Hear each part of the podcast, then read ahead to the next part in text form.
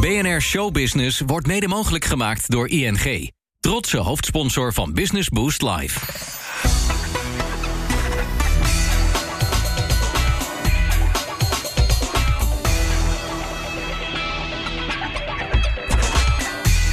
Ruben Haukens kennen we met name van de judomat. Hij was wat je noemt lichtgewicht en kwam uit in de klasse onder 60 kilo. Een van zijn hoogtepunten was ongetwijfeld het WK van 2007 in Rio. Wereldkampioen. De eerste Nederlander in deze klasse en na Anton Geesink, Wim Ruska, Guillaume Elmond en Dennis van der Geest... de vijfde oranje wereldkampioen bij de mannen. Geen gek rijtje om tussen te staan. Een jaar later pakt Haukens op de Olympische Zomerspelen van Peking de bronzen medaille. Nadat hij eerder in de halve finale verliest van de latere Olympisch kampioen. In 2009 stopt hij met judo. Sindsdien zien we hem af en toe nog optreden als commentator voor de NOS bij grote judo-toernooien. Dit is Ruben Haukes. Het zijn van die clichés dan, hè, dat je niet weet wat je, wat je moet zeggen. Maar ik weet echt niet wat ik moet zeggen. Niemand had voor mogelijk gehouden dat de Nederlandse lichtgewicht Ruben Haukes de WK-finale zou halen in Rio. Hoi, mijn naam is Ruben Haukes, oprichter van 2Basics. En op 8 februari geef ik een presentatie tijdens het mediacongres over e-sports en gaming. Yuko, zegt de scheidsrechter. En dat is een mooie score voor Ruben Haukes. Ja, er staat gewoon heel veel spanning op zijn dag. En uh, het is gewoon zaak om heel erg rustig te blijven. En daarmee wint Ruben Haukes de wereldtitel. Ik denk dat ik een pilsje neem.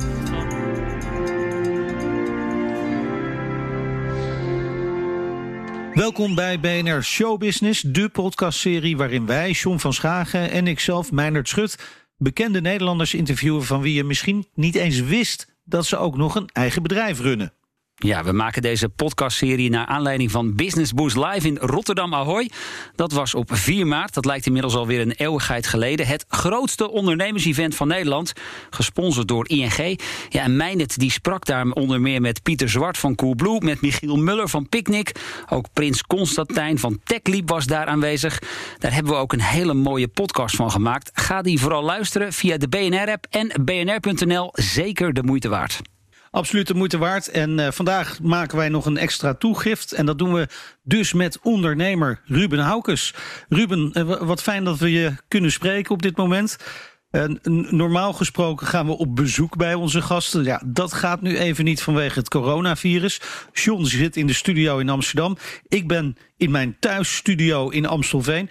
Ruben, waar zit jij? Ja, ik ben ook thuis, zoals denk ik hopelijk de meeste mensen. Ja, het is, uh, het is natuurlijk een hele bizarre uh, situatie. Je zit in Haarlem thuis. Uh, via de moderne verbinding hebben we toch contact uh, met je. Dat is dan weer een voordeel in deze bizarre situatie. Want dat is het toch? Ja, het is, het is ongelooflijk. toen wij vorige week zondag natuurlijk ook te horen kregen... dat de kans heel groot was dat de scholen dicht zouden gaan. en ja, toen is in twee dagen, denk ik, voor heel veel mensen... Uh, nou ja, één stuk gezondheid het allerbelangrijkste, maar economisch ook heel veel stil komen te staan. Ja, want wat betekent het concreet voor jouw bedrijf, Ruben? Waar we zo meteen natuurlijk nog uitgebreid over gaan praten. Maar jij merkt nu natuurlijk ook al de gevolgen hiervan. Ja, zeker. Uh, ik ben eigenaar van uh, drie bedrijven. Uh, een creatieve marketingorganisatie. Waar we in eerste instantie vooral dachten, nou daar zal het wel meevallen. Uh, daar kom ik later ook nog wel ongetwijfeld over te spreken met jullie. Uh, maar de twee andere bedrijven die hebben hun uh, business vooral in het onderwijs. Dus ik ben eigenaar van een social enterprise die heet Schooljudo. En Schooljudo heeft een sociaal-emotioneel ontwikkelingsprogramma ontwikkeld. Al 16 jaar geleden. Om kinderen in de context van de klas krachtig te maken, weerbaar te maken. Te leren omgaan met een aantal elementen die in het DNA van het judo zitten. Nou, dat draait volledig op het basisonderwijs. Een heel klein beetje voor onderwijs. Nou ja, de, uh, daar wisten we natuurlijk al toen uh, ook de, de hectiek rondom scholen en veel signalen kwamen van scholen uh, hoe ze hier met deze coronacrisis om moesten gaan. Dat, het, ja, dat we zelf ook maatregelen moesten treffen. Maar toen de scholen helemaal stil kwamen te liggen, nou, ligt schooljudo natuurlijk ook stil. En een ander bedrijf is de MQ-scan en die heeft een motorische scan, een gevalideerde wetenschappelijke motorische scan voor het onderwijs ontwikkeld om in een hele snelle manier inzicht te krijgen in de motorische vaardigheden van kinderen. Nou, die draait ook op het onderwijs en dat ligt ook helemaal stil. En dat is ook nog een, daar zijn we ongeveer twee jaar mee bezig. Dus zeg maar nog een relatieve start-up. Dus ja, dat is ook best pittig voor dat bedrijf. En toen kwam ook nog dat de evenementen en alles stil kwamen te liggen. En toen kwam onze creatieve marketingorganisatie ook nog wel onder vuur te liggen. Ja, dus alles onder vuur, Ruben. Moet je ook al echt maatregelen nemen? Hè? Trappen klanten nu ook op de rem? Uh, ja, klanten trappen zeker op de rem. Dat, uh, in het onderwijs ligt het gewoon stil. Wij hebben wel uh, samenwerkingen met scholen voor meerdere jaren. Van, de, van ongeveer 450 scholen hebben de helft van al die scholen een meerjarige samenwerking met ons. Dus dat geeft best heel veel perspectief in het schooljudo-bedrijf. voor die motorische scan ook. Maar in onze Creative Agency is het, zouden wij een campagne gaan doen rondom het EK voetbal voor Sanquin, de bloed Bank. Nou, het EK is verzet. We zouden Moroccan Oil met Eurovision uh, zouden we de campagne doen. Nou, dat is ook natuurlijk uh, uh, gecanceld. Nou, en zo kwam de een op de andere klant die zeiden... ja, dit is toch wel lastig. Nou hebben we ook een aantal klanten die veel in de, in de online, in de gaming en de e-sportswereld doen. ja, en daar zie je dat veel jongeren zich blijven verenigen... en dat voor klanten daar ook nog veel nou, mogelijkheden zijn, ook in deze tijd. Ja, ben je wel blij met de maatregelen die de overheid nu neemt om, om ondernemers te helpen? Want er is natuurlijk een heel pakket aan maatregelen voorgesteld. Heb jij daar ook concreet iets aan? En daarom komen we met een nieuwe regeling, het noodfonds overbrugging werkgelegenheid. En wat houdt dat in? De nieuwe regeling voorziet in een tegemoetkoming in de loonkosten in het geval van omzetverlies van bedrijven. Dat is geleden vanaf 1 maart 2020. En we hanteren daarbij een maximum van 90 van de loonsom? Uh, ja, daar hebben we zeker aan. Wij hebben uh, uh, voor een aantal mensen werktijdverkorting aangevraagd. Ik denk dat dat gewoon zeker aan de kostenkant heel erg veel verlichting biedt als je inkomsten drastisch verminderen. Dus dat is denk ik heel belangrijk. als wij krediet nodig gaan hebben, en het hangt er natuurlijk echt vanaf hoe lang dit gaat duren en hoe lang het, het, stil blijft liggen, liggen dan zullen we daar ook aanspraak op moeten gaan maken. Eh, maar dat zie ik nu nog niet eh, eh, nodig bij ons. Dus aan die kant ja, denk ik dat het een heel mooi pakket is aan maatregelen. Uh, we houden natuurlijk als onderneming natuurlijk wel ook een aantal uh, vaste kosten die je blijft houden. Uh, er zijn voor mij geen regelingen nog voor DGA's. ik las wel iets in het FD over mogelijkheden ook voor krediet voor zo'n start-up als de MQ-scan. Nou, daar ben ik wel blij mee. En ik hoop dat het er echt doorheen komt, zodat ondernemingen echt geholpen worden in de aankomende maanden. Want dat we hier volgende maand vanaf zijn, dat kunnen we denk ik wel schudden. Ik denk dat we hier nog maanden mee bezig zijn. En dat ondernemingen het echt zwaar gaan krijgen. En eh, ik, ik, ik hoop dat de overheid eh, sterk blijft, zoals ze nu al gedaan hebben met dit pakket aan maatregelen. Ja, dat hebben ze in ieder geval wel beloofd. Uh, maar uh, is het, is het ook zo, je had het over die gamerswereld. Hè? Zit, zit daar echt een mooie kans voor jou ook nog? Uh, ja, zeker. Ik, ehm, ehm, wij hebben zes jaar geleden uh, was ik in, uh, in Maleisië voor een opdracht voor het uh, sportakkoord. Dat echt de bond van alle bonden in de wereld. En toen werd ooit in een bijzin gezegd dat ze gaming zouden gaan erkennen als officiële sport. Of e-sports dan in dit geval. E-sport is dan het competitieve gamen. En ik dacht als oud sporter, ik ben uh, judoka geweest, uh, van ja, de, dat sport in je handen spugen is en tegen een Georgiër aanstaan en iemand op zijn rug moeten smijten en al dat soort dingen. Ja. En ik kon niet geloven dat er een wereld, een parallele wereld was waar honderden miljoenen jongeren elke dag uh, naar games zaten te kijken of op competitief niveau dat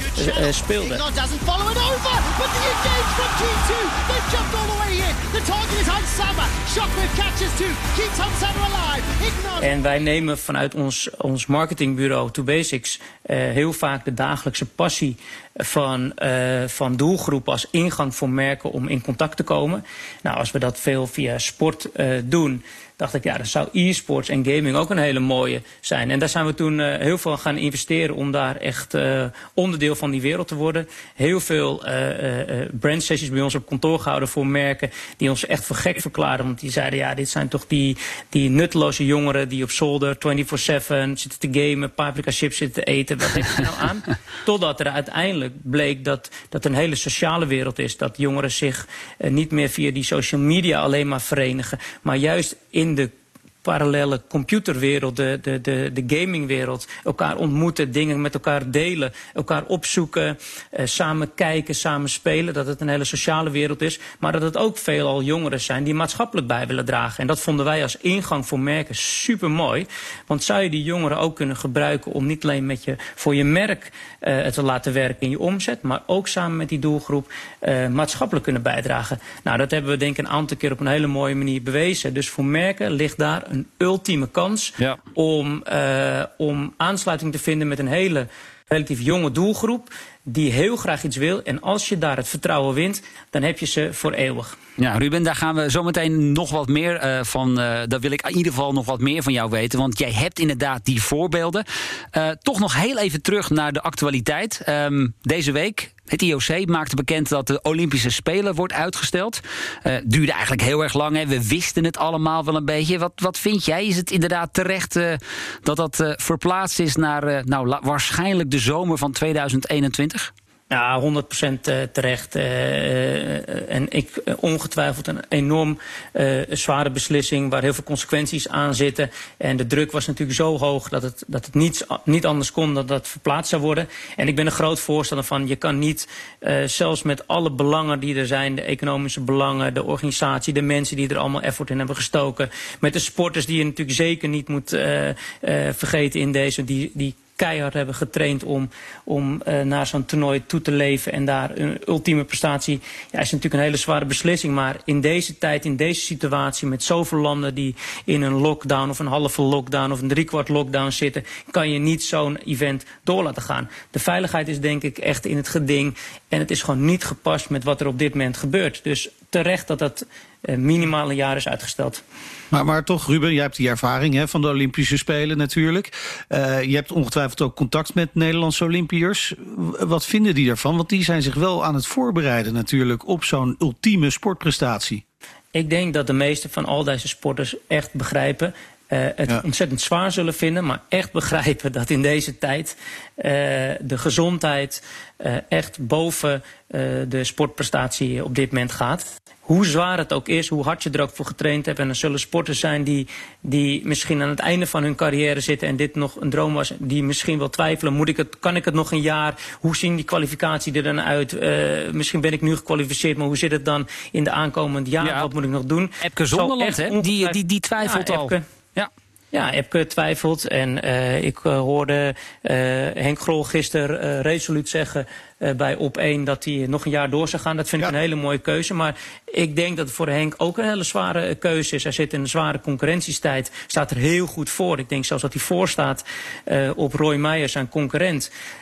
maar het vraagt zoveel van zijn lijf. En het is een sporter die, die, die door echt door, door alles geeft. Ja, hoe lang ga je dat nog volhouden? Kan dat nog een jaar? En laat het lijf dat toe. Hij staat er nu supergoed voor. Maar hoe staat het er over een jaar voor? Ik vind het echt wel uh, heftig voor heel veel sporters. En als sporter kan ik het heel goed begrijpen hoe iedereen zich voelt. Maar ik denk dat echt de gezondheid en, en hoe de situatie nu is, dit echt niet ja. toelaat. Dit, en, nee, maar, maar niemand, naar die Olympische Spelen dan, Ruben, van 2008 was dat. Toen je verloor je de halve finale. En toen moest die knop om. Ja. Ik, ik kan me wel voorstellen dat daar iets zit. Hè? Ook al is dat misschien wel veel kleiner dan wat sporters nu meemaken. Maar dat omzetten van die knop, dat is natuurlijk ook wel een kunst. Ja, dat is een kunst. Maar op, op een wedstrijddag um, is, wordt dat als, uh, zeg maar, het is je beroep. Hè? Het, is je, het is waar je elke dag, elke seconde mee bezig bent. Wordt ervan verwacht dat je daarop voorbereid bent. Om te snappen dat als je in een halve finale uh, verliest, dat je niet uh, drie uur lang moet gaan zitten huilen in een hoekje. Uh, want binnen een half uur stond er een jongen uit Israël, waar ik nooit van gewonnen heb, spierwild tegenover me, die heel graag ook een bronzen medaille wilde. Dus ja, je moet als sporter, zit dat in je systeem om die knop om te zetten. En ongetwijfeld zijn er sporters die nu een periode lang ontzettend balen. En als er meer duidelijkheid komt over de rest van de kwalificatie, wat er voor nodig is, wanneer het precies komt, dan gaan ze echt die knop wel weer omzetten. Maar dat ze nu sportief balen, denk, dat geloof ik wel. Maar ik denk dat iedereen diep in zijn hart denkt, dit is de allermeest verstandige keuze die, we, uh, die ze hebben kunnen nemen.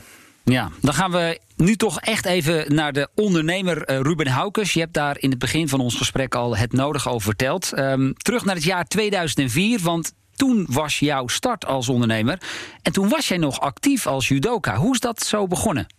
Nou, ik, uh, heb, uh, ik werkte in die periode bij een reclamebureau in Haarlem super toffe eigenaren die me alle vrijheden gegeven hebben tijdens mijn sportcarrière. Maar bij mij kriebelde er wel iets om iets voor mezelf te doen. En dat zat vooral niet zozeer in mijzelf, maar in mijn compagnon Ziggy Tabaksnik. Ook een oud sporter, heeft op minder hoog niveau gejudo'd. Maar ontzettende gretige sporter maar ook ondernemer.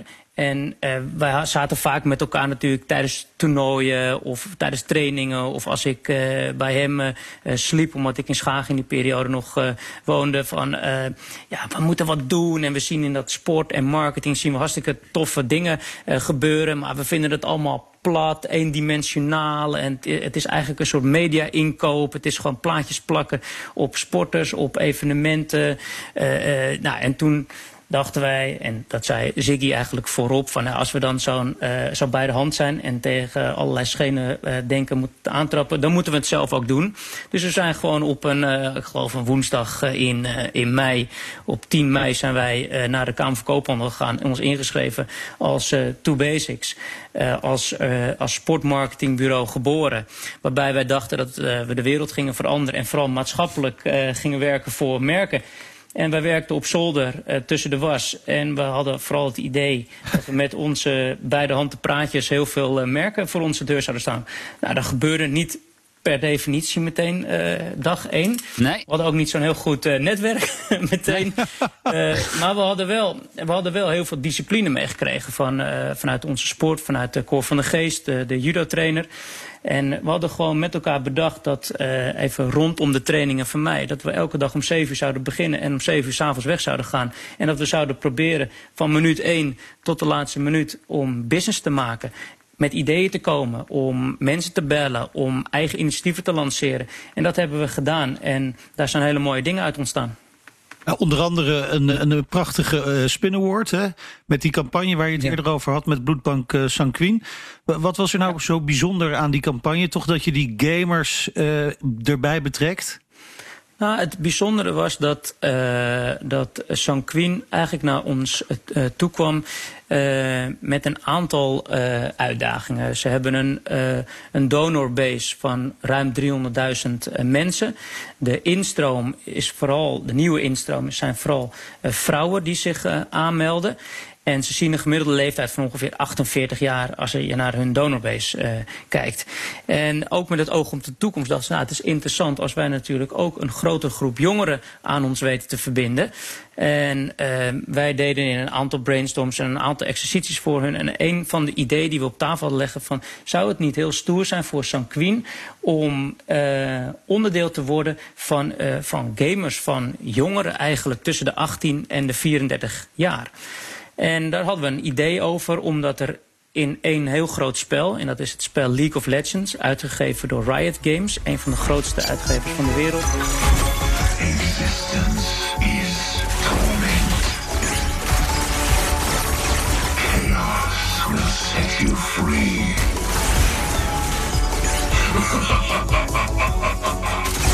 Spel wordt gespeeld door ruim 100 miljoen jongeren elke maand. In die leeftijdsgroep, relatief wat oudere leeftijdsgroep, tussen die 18 en de 34 jaar. Uh, veel doeners en veel kijkers in die spellen zit een eerste actie. En die eerste actie heet First Blood. Dat is een hele belangrijkste actie. Vergelijk het met de openingsgoal van het voetbal. En het leek ons gewoon een heel tof, mooi haakje, gekoppeld aan de doelgroep die erachter zit, om via die eerste actie eigenlijk uh, in dat spel uh, awareness te verhogen over het uh, belang van bloeddonor of het doneren van bloed. Nou, dan heb je in die wereld heb je eigenlijk de uitgever nodig van die spellen. Maar die hebben helemaal geen sponsoren nodig. Want die verdienen hun geld met die in-game aankopen. Met die skins en, en met allerlei andere elementen die je voor kleine bedragen kan kopen. Coca-Cola is ooit sponsor geweest van Riot Games, is er na twee jaar mee gestopt. En wij dachten uh, met de Nederlandse bloedbank, wat niet de grootste budgetten hierin uh, heeft, om sponsor te worden van het grootste spel van de wereld. Met als doel om Nederlanders te mobiliseren, omdat we geen Franse, Engelse of Duits bloed kunnen gebruiken in Nederland. Alleen in crisistijd. En toen heb ik de uitgever gebeld. En ik zeg tegen die uitgever: We hebben een supergoed idee. wat jullie heel erg gaat uh, helpen. Uh, om maatschappelijk ook je positie te pakken als Riot Games. En wat ook de Nederlandse Bloedbank heel erg gaat helpen. En ik wil graag die eerste actie sponsoren. Ik wil content maken via het IP-adres op de client. naar Nederlandse uh, spelers toe. En ik wil dat iedereen die zich aanmeldt en zijn bloed voor de eerste keer laat testen. Iets krijgt waardoor die in het spel er anders uitziet.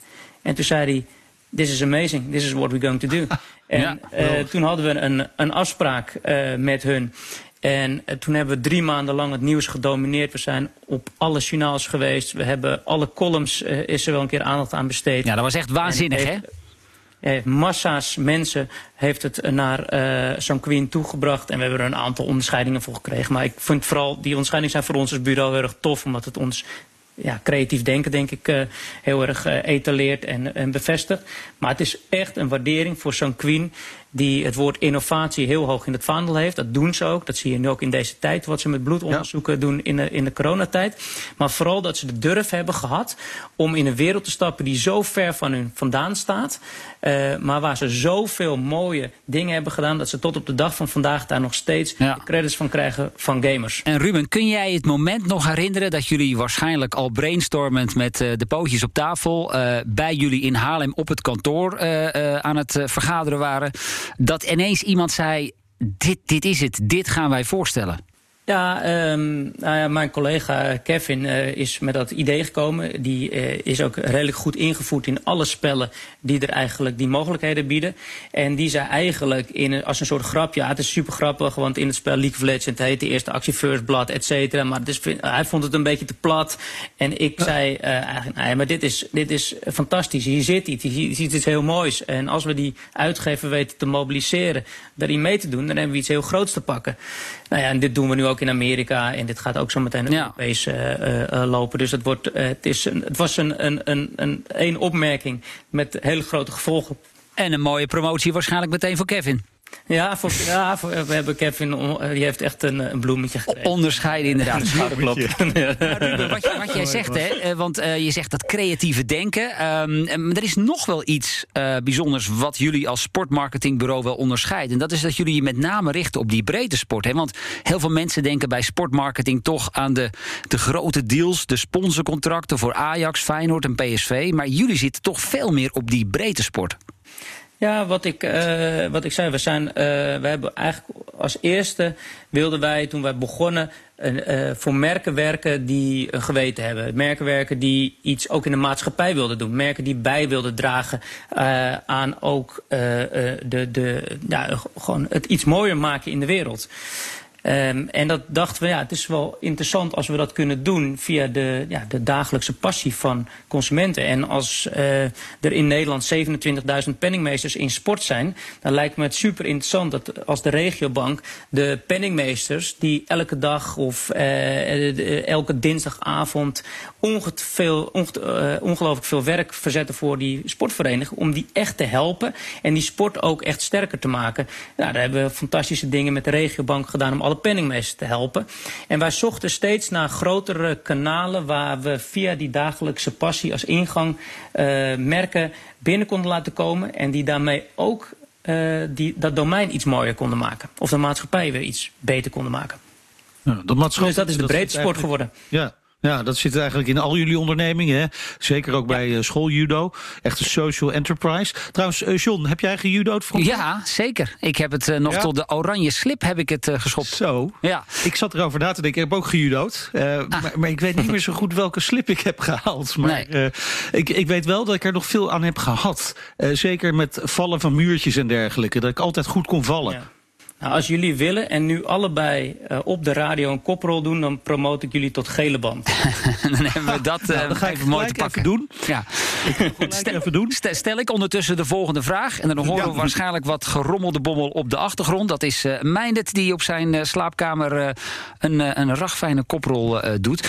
Toch nog even refererend inderdaad aan schooljudo. want je geeft al aan. Ja, maar kijk, hij, hij is gelukt, Meindert. Zo, ik ben terug hoor. Ah, oké, okay, goed. Heel goed. Zeg, school, ja, schooljudo. Wat, wat doen jullie daar precies mee? En, en hoe, heb je dat, uh, hoe heb je daar ook een businessmodel omheen gebouwd?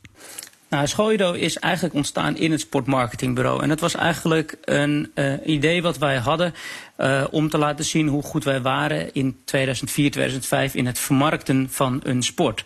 En wij uh, zagen eigenlijk dat er, uh, dat we, dat er op veel scholen, schoolpleinen, eigenlijk kinderen en sowieso de hele maatschappij een beetje vreemd met elkaar omging. Het is niet meer normaal om elkaar een schouderklopje te geven... of eerst te luisteren en dan te reageren of samen te werken.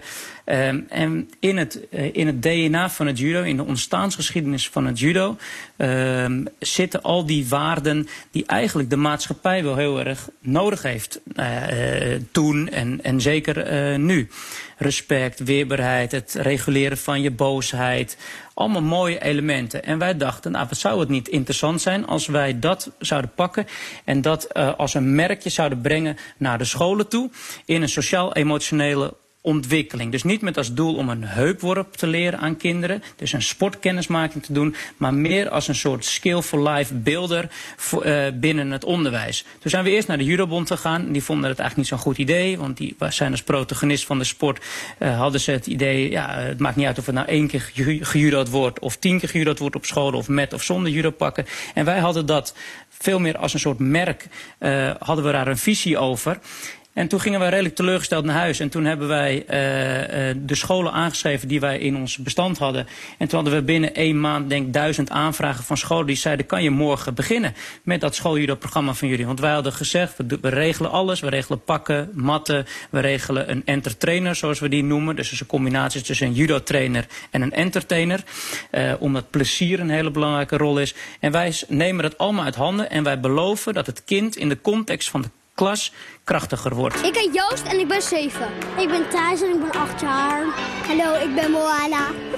ik ben 7 jaar. ik ben Kleen, ik ben 8. En wij zijn schooljudo.nl. En uh, toen zei die school, nou laat, doe maar. En wat kost dat dan? Toen hebben we gezegd, nou dat kost uh, 1000 euro. Toen zei een school, dat is prima. Nou, dan gaan we dat doen. Nou, en tegenwoordig maken wij samenwerkingen tussen scholen. Scholen kiezen voor 1, 3 of 6 jaren samenwerking. Nou, de, wat ik net al vertelde, is de helft van de scholen die kiest voor een meerjarige samenwerking samenwerking met schooljudo. En uh, die krijgt dan elk jaar die, uh, die schooljudo lessen aangeboden en toegang tot de digitale toolbox, zodat ze ook de waarden in de klas door kunnen vertalen. We hebben daarbij een samenwerking met Walt Disney, waardoor we de storylines van Disney kunnen gebruiken als verhaallijnen om die waarde kracht bij te zetten. En scholen betalen dat, wij regelen dat en uh, daar hebben wij een business van gemaakt. Wel, wel bijzonder die samenwerking ook, uh, Ruben, met, uh, met Disney. Dat je dat voor elkaar ja. krijgt. Ja, en dat is ook gewoon uh, Disney bellen en zeggen wij hebben een, een, een, een goed idee. En wij zien dat in jullie films heel veel die waarden naar voren komen die wij op scholen promoten. En uh, we denken dat, uh, dat, het, dat we op een hele leuke manier met elkaar die waardekracht bij kunnen zetten. Nou, en dat, en dat wordt ook zeer gewaardeerd. Helemaal nu, uh, nu er uh, natuurlijk alle scholen en die kinderen, uh, of de kinderen thuis zitten en de scholen dicht zijn, wordt die digitale toolbox gebruikt door scholen om toch de kinderen thuis te stimuleren om met die waarden bezig te zijn. En op dit moment doen zo'n 450 scholen mee. En zo'n 45.000 kinderen elk jaar die wij uh, hiermee weten te bereiken. En we hebben zo'n 65 ja. trainers in Nederland, dus die entertrainers, die uh, geschoold zijn ook door de Stichting Aandacht voor Pesten. Dus die hebben ook al die tools mee om ook dat pestgedrag tegen te gaan. En echt te zorgen dat de kind en klas krachtig worden. Wauw, waanzinnig zeg. En ja, dan heb je dus nog een bedrijf. En je vertelde daar in het begin van ons gesprek al iets over. MQ uh, Scan. Uh, ook op kinderen gericht. En daarmee uh, kijken jullie of onderzoeken jullie eigenlijk de motoriek van kinderen. Ja, ik, zijn we al een hele tijd mee bezig. En de Haagse Hogeschool en de VU hebben een onderzoek gedaan. En die zijn, hebben een baan ontwikkeld waarbij je de, de motoriek van een kind op een gevalideerde en wetenschappelijk onderbouwde manier kan achterhalen. En um, wij vonden dat super interessant en dachten, jeetje Mine, uit alle onderzoeken blijkt dat als kinderen beter bewegen, dat ze met meer plezier bewegen, dat ze vaardiger bewegen, dat ze langer bewegen, dat ze minder snel geblesseerd zijn. En dat, dat MQ, dus de, de motorische coëfficiënt die wij bedacht hebben, uh, een cruciaal voorspellende waarde is met betrekking tot gezondheid. En alleen er is niet echt een soort data of een, grote buts van data over die motoriek van kinderen. En um, dus wij dachten, laten we een, een soort motorische scan maken. Wat beleidsbepalers inzicht geeft in die motorische capaciteiten van die kinderen. Waar voorheen altijd standalone naar één onderdeel werd gekeken van motoriek, bijvoorbeeld balanceren op een been of een koprol, hebben wij alle vormen van motoriek aan elkaar geplakt. Um, waardoor je ook de, de, de, het creatieve vermogen, het brein daarbij stimuleert. Want je moet een soort oplossingsvermogen op die baan uh, creëren. Kinderen vinden dat fantastisch om te doen. En binnen 30 seconden hebben ze dat afgelegd. En uh, krijg je een bepaalde score. Wat de beleidsbepalers of de docenten inzicht geeft. Waar staat zo'n kind en waar kunnen we aan werken om te zorgen dat ze een leven lang sportplezier hebben. Nou, dat wordt nu op 755 scholen gedaan en we hebben ruim 100.000 kinderen gescand. Dus we hebben een, een, ontzettende bubs aan informatie. En het staat in alle akkoorden. Er zijn heel veel gemeentes mee bezig. Dus het is een fantastisch model. En steeds meer scholen en beleidsbepalers zijn zich bewust van het belang van die motoriek. Ja, en dat wordt, wordt gewaardeerd uh, blijkbaar. Hè? Want in 2004, zoals uh, John eerder al zei, uh, klein begonnen. Nu drie bedrijven. Het is hard gegaan. Hoeveel mensen hebben jullie nu eigenlijk in dienst? Nou, in, de, in de drie bedrijven werken 23 mensen. En binnen Schooider hebben we ook nog 65 entertrainers die voor ons werken. Ja, en als je dan die bedrijven kijkt, hè, dat zijn natuurlijk allemaal bedrijven met toch wel een sterke maatschappelijke component. Um, ja. ja. past dat ook heel erg bij jou als persoon en, en de ondernemer die je wil zijn? Ja, dat uh, past uh, ontzettend uh, bij mij. Het is, zit echt bij Ziggy en mij, de twee oprichters, echt diep bij ons dat we dingen willen doen die ook echt bijdragen. Um, ik denk dat elke onderneming in, in, die exercities heeft gezeten om na te gaan. Wat is, waarvoor sta je nou op en wat vind je nou fantastisch om te doen, et cetera. En um, ik heb dat ooit een keer gedaan en toen werd ik uh, s'nachts midden de nacht wakker. En toen dacht ik, ik weet wat ik eigenlijk wil, waarom ik mijn bed uitkom. En ik stapte mijn bed uit, begon meteen midden de nacht een mail te tikken aan Ziggy. En ik schreef, ik weet wat, wij, wat ons drijft en dat is winnen. En ik kreeg maar geen antwoord van Ziggy en de volgende dag niet. En ik toetste dat eens een, een aantal medewerkers. En toen kwam ik erachter dat iedereen bij ons in de organisatie, alle medewerkers, maar ook Siggy en uiteindelijk ook uh, zeker uh, ik, maar ik heb het anders verwoord, uh, bedoelen dat wij gewoon uh, bij willen dragen. En dat we, de, bepaalde mensen willen daar heel veel erkenning voor, of een podium staan of een prijs in hun hand uh, hebben. Maar het bij willen dragen aan een mooiere wereld, dat, daarvoor komen merken bij ons, daarvoor zijn de scholen bij ons en daarvoor zijn de beleidsbepalers uh, die bij ons komen. En daarvoor werken er mensen bij ons die het mooi vinden om niet twee voor de prijs van één te verkopen, maar om echt te zeggen hebben meer mensen bloed weten te geven. Of, of, wij hebben de straten lichter gemaakt. Of wij hebben nou, de wereld iets mooier gemaakt. Ja, het is, het is mooi om te zien dat je daarmee ook een, eh, een, een gezond bedrijf kunt uh, starten. Uh, het gaat natuurlijk met vallen en opstaan. Hè? Even, even buiten de coronacrisis van nu. Want waarschijnlijk moet je nu ook die knop omzetten. Net als in 2008 bij die halve finale van de Olympische Spelen. maar heb je het hiervoor ook wel eens lastig gehad als ondernemer? Ja, zeker. Kijk, wij hadden, uh, en dat is, uh, dat is echt een learning geweest, wij groeiden op een gegeven moment. Uh, maar de focus was op een gegeven moment ver te zoeken. Want al deze, deze drie bedrijven nu, dat zat allemaal in ons sportmarketingbureau. En de verschillende businessmodellen, verschillende klantgroepen, verschillende type mensen die er eigenlijk nodig voor waren om die, om die separate units te laten groeien. En dat heeft voor veel vertraging gezorgd. En toen hebben wij op een gegeven moment ervoor gekozen in zo'n soort scaling-up traject om die bedrijven los te knippen. Nou, dat was uh, dat is best wel een, een heftige uh, uh, beslissing geweest. Omdat mensen gaan zeggen, werk ik nog bij Two Basics of niet? Of hoe gaat het, et cetera. Maar ook het hele financieel uit elkaar halen van die bedrijven... is ook best wel een, een, een, een klus geweest. wat met vallen en opstaan gewaar is. Dat is een, een best wel een zware periode voor, voor ons geweest. Maar de, de, de, de, de, echt de learning daarvan is focus op elk bedrijf in zichzelf. Met de mensen, met de aandacht die daarop zit. En niet maar al die verschillende bedrijven in één hebben, heeft gemaakt dat elk bedrijf ontzettend is gaan groeien weer.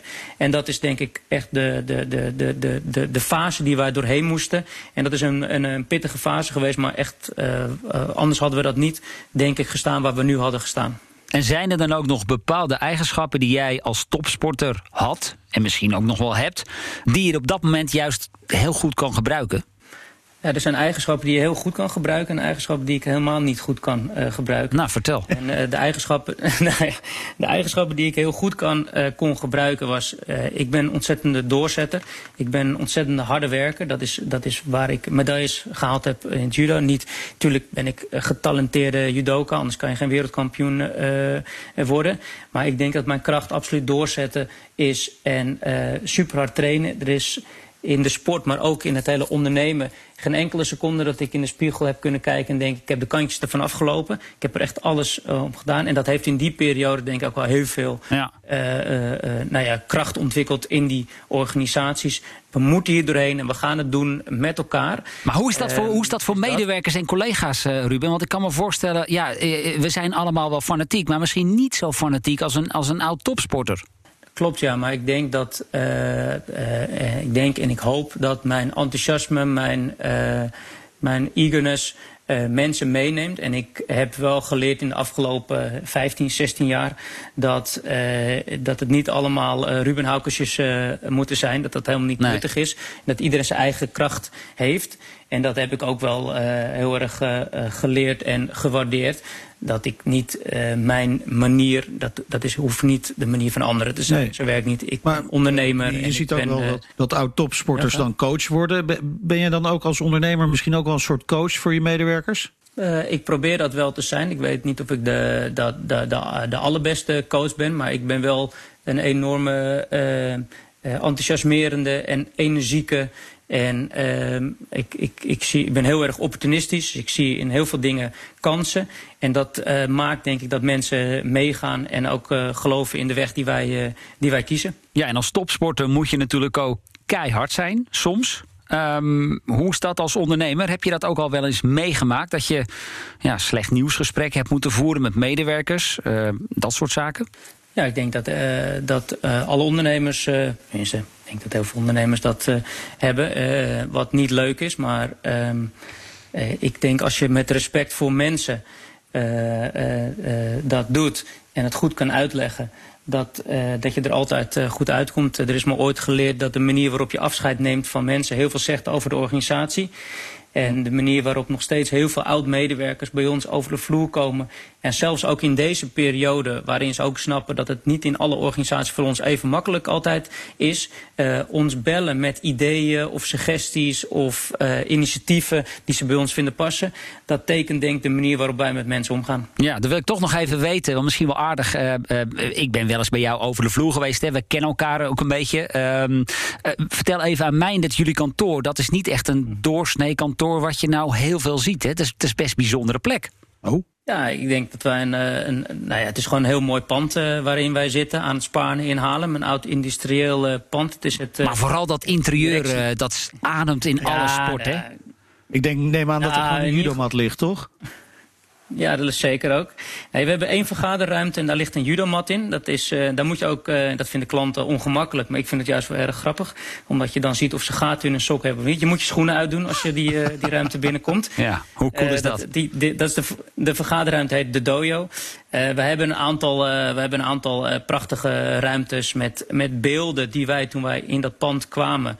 Ehm, en toen waren we nog veel te klein om eigenlijk in het pand te gaan. Maar dat is misschien ook de ondernemer in ons die dacht, we groeien er zelf in. Cool. Maar op een geweldige manier. We hebben een fantastische foto. Uh, heel groot. Het is een heel hoog pand met hele hoge uh, plafonds. Van Michael Jordan. Die voor ons een soort grondlegger van creativiteit en scorend vermogen is. MJ. Oh, he did it! Uh, Michael shakes the finger. Jordan. Oh, a spectacular move by Michael Jordan. We hebben Chabal de Caveman in de rugbykamer. Fantastisch uh, zijn, zijn natte lange haren waardoor je door een soort rugbymuur heen komt. Ja. Is, is fantastisch. En een golfsurfer die op de wave zit. Uh, waarin wij toen zaten en nu zeker uh, uh, zitten. Op de maatschappelijke wave uh, zitten. En dan natuurlijk die schooljudo dojo ah. die we hebben waar klanten hun, hun schoenen uit. Wat jammer dat we niet langs konden komen zeg. Ja, Laten we afspreken dat we alsnog een keertje gaan doen. Zeker, ja. We gaan uh, langzaam maar zeker uh, gaan wij afsluiten.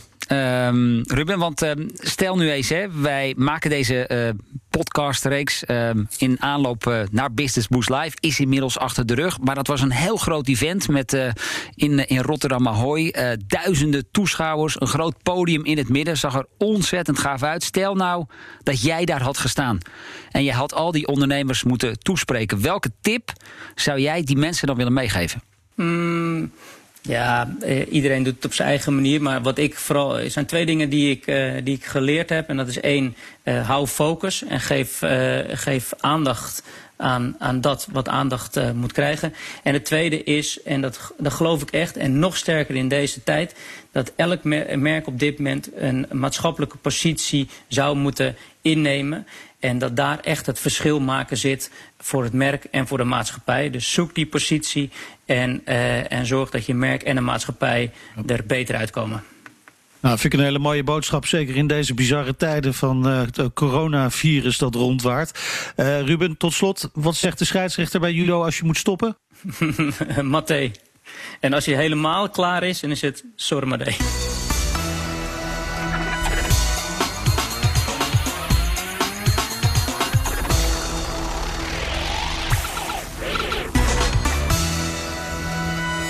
BNR Showbusiness wordt mede mogelijk gemaakt door ING. Trotse hoofdsponsor van Business Boost Live.